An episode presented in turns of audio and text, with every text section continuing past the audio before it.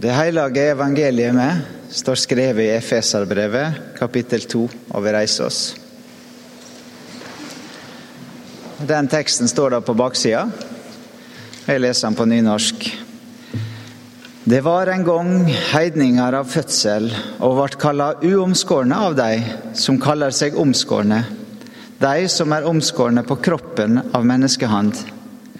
Kom i hug at det den gangen var uten Kristus, utestengde fra borgerrett i Israel, framande for paktene og lovnaden, ja, uten håp og uten Gud i verden.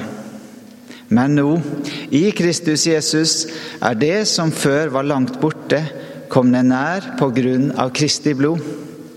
For Han er vår fred, Han som gjorde de to til ett og reiv ned den muren som skilde fiendskapen. Med sin egen kropp satte han lova ut av kraft med hender blod, båd og forskrifter. Slik skulle han skape de to til ett nytt menneske i seg og skape fred. I én kropp skulle han forsone dem, begge med Gud, og han døde på krossen, og slik gjorde ende på fiendskapen. Og han kom og forkynte den gode budskapen om fred for dykk som var langt borte, og fred for deg som var nær. Ved Han har både det og vi tilgang til Far i én ande. Så er det ikke lenger fremmede og utlendinger. Nei, det er medborgere sammen med de hellige og hører Guds familie til. Det er oppbygde på grunnvollen til apostlene og profetene, og hjørnesteinen er Kristus Jesus sjøl. I Han blir hele bygningen holden sammen, så Han vokser til et heilagt tempel i Herren, og i Han blir det òg bygde opp til en bostad for Gud i anden. Slik lyder Herrens ord. Jeg bodde noen år i England. Tre, tre år ca. Og etter at jeg har bodd der en stund, så gikk det opp for meg at jeg er innvandrer. Så jeg hadde på en måte visst at jeg var fra et annet land, selvsagt, og sånn, men jeg hadde ikke tenkt på meg selv som eh, innvandrer. Eh, og det er en ganske rar følelse. En del av dere har sikkert hatt den, at dere bodde i utlandet, og plutselig er du den som snakker litt rart og folk forteller en vits, så forstår du alle ordene, unntatt det siste ordet, der alle begynner å le. Og så sitter du der og mm, Hva betyr det ordet?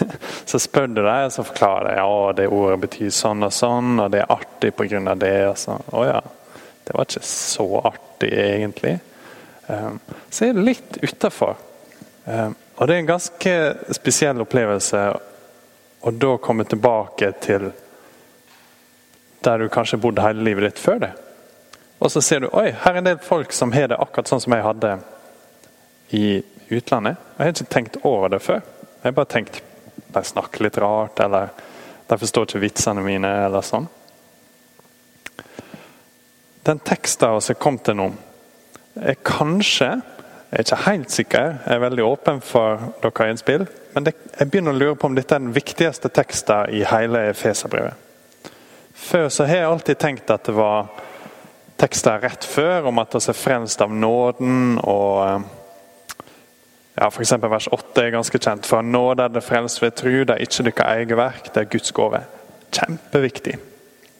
Men Paulus bygger videre på det. Det er akkurat som han forklarer evangeliet der i starten.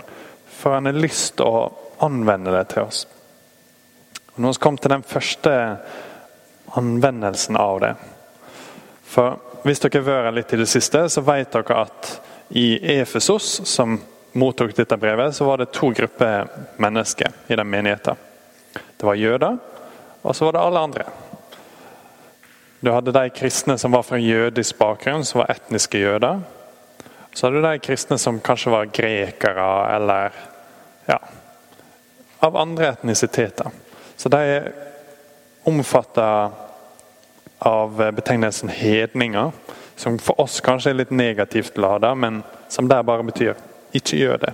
Så det kunne være veldig religiøse sånn sett, men de var hedninger. De hadde ikke en direkte kobling til Gud pga. etnisiteten sin. Og så er jeg faktisk inne på et slags etnisitetsspørsmål. Hvis du vil, så kan du si at vi snakker egentlig om innvandring her.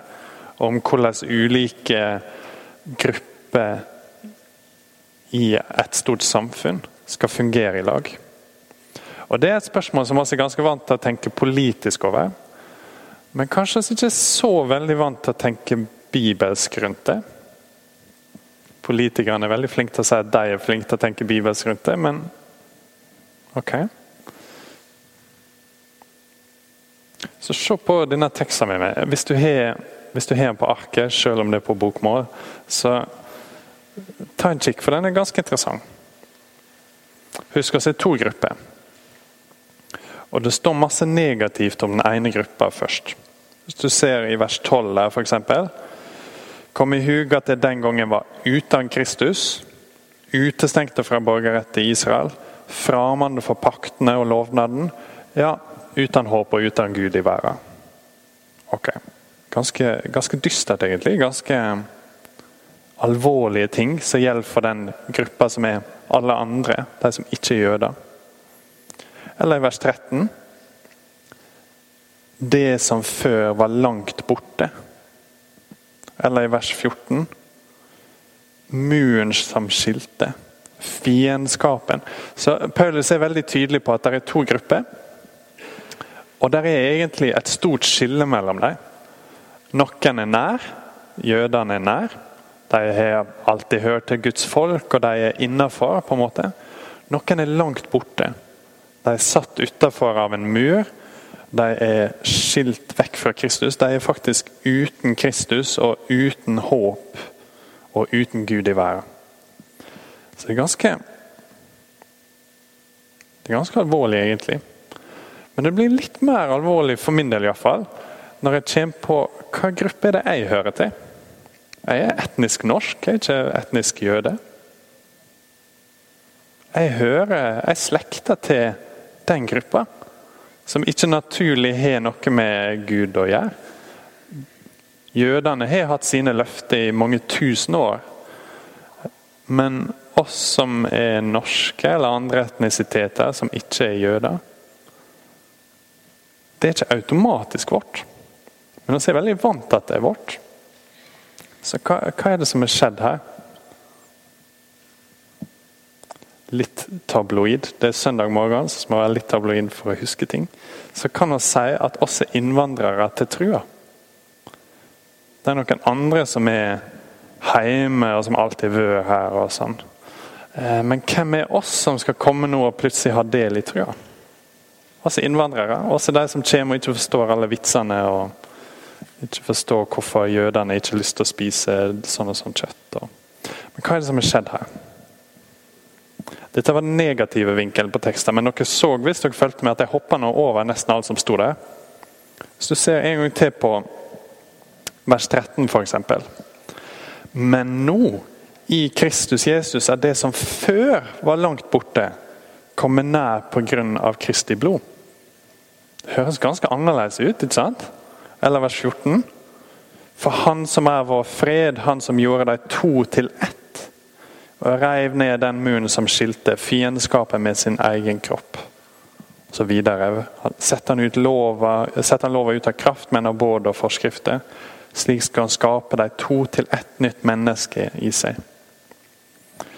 Tenkt på det, hvor etnisk evangeliet er? De gode nyhetene som Jesus kommer med. En av de store følgene av det er at relasjonen til Gud er ikke lenger reservert for en viss etnisitet. Det går an for oss å være norske og være helt hjemme i trua. Og så er vokst opp med det og er så vant til det. Det har vært sånn i 2000 år at vi tenker kanskje ikke over det. Men det er veldig nyttig av og til å minne seg sjøl på at det er oss som er innvandrerne her. Men også, er, igjen tabloid om du vil, eh, integrert i trua. Plutselig så kjemper hjemme. Eh, og så kan ikke tenke oss at det skulle være på noen annen måte.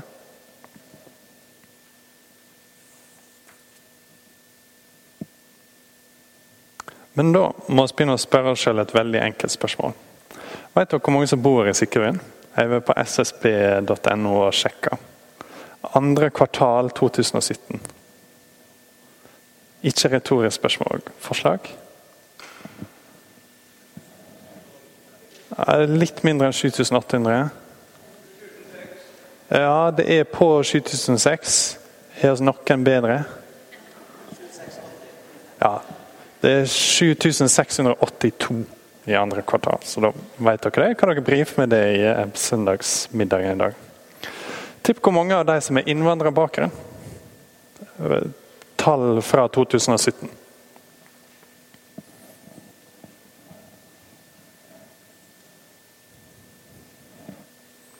Come on!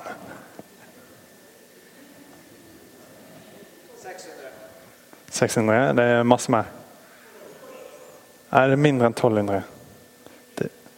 Det, er 1030. Det går an å huske. 1030. Altså nesten én av sju. Eh, og så retorisk spørsmål. Hvor mange av oss som er her til vanlig, har innvandrerbakgrunn? Jeg vil tippe det er ikke én av sju. Det er kanskje litt rart, egentlig. Hvorfor skal Sykkylven være bedre enn oss, liksom? På etnisk sammensetning. Altså Jeg er nødt til å tenke litt gjennom det. Både her i menigheten, men kanskje også i husgruppene våre. og sånn. For Det er ganske lett å tenke at oi, her er kommet noen som er litt utafor, og forstår ikke helt at det krever en innsats. Men det spesielle er det er oss som egentlig djupest sett er innvandrere til trua. Så når vi møter noen som snakker litt rart, eller som egentlig oss merker litt utafor der oss er veldig hjemme, så burde oss tenke oh, jeg vet akkurat hvordan du har det. For for 2000 år siden var det jeg som sto utafor. Men hjelpe meg hvor jeg har kommet hjem. Og Det er den biten tekst, teksten handler om. Hvis, vi går litt lenger fram, vers 16 f.eks. I én kropp, det er snakk om Jesus. I én kropp skulle han forsone deg begge med Gud da han døde på krossen, og slik gjorde ende på fiendskapen. Måten å begynne å tenke om seg sjøl og andre på denne måten er ikke dårlig samvittighet. Det fungerer ikke i det hele tatt. Det fungerer kanskje én dag. Måten å få et nytt syn på seg sjøl og andre er Kristus. Se hva han har gjort for oss. Så du hva som sto i det verset? Han har dødd for å gjøre de to gruppene til ett. Samme i vers 17. Og han kom og forkynte den gode budskapen om fred for dykk som var langt borte. Det er egentlig oss. Og fred for de som var nær, det er jødene. Ved han har både det og vi tilgang til far i én ande. Altså få tilgang til far gjennom Kristus. Gjennom den ene og den samme hellige ande.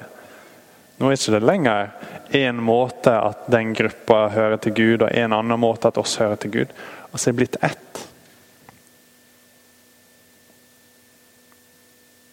Vers 19 sier så er det ikke lenger fremmede og utlendinger. Og Det er ikke meninga at vi skal tenke på oss sjøl som fremmede til trua, eller som en slags utlending når vi forholder oss til Gud. Det er det som er hele poenget. Så var det en gang. Men nå i Kristus så har vi fått kommet nær. Dette bør oppmuntre oss noe enormt. Tenk at Kristus døde for at oss som var langt vekke, skulle få komme nær i Han. Amen.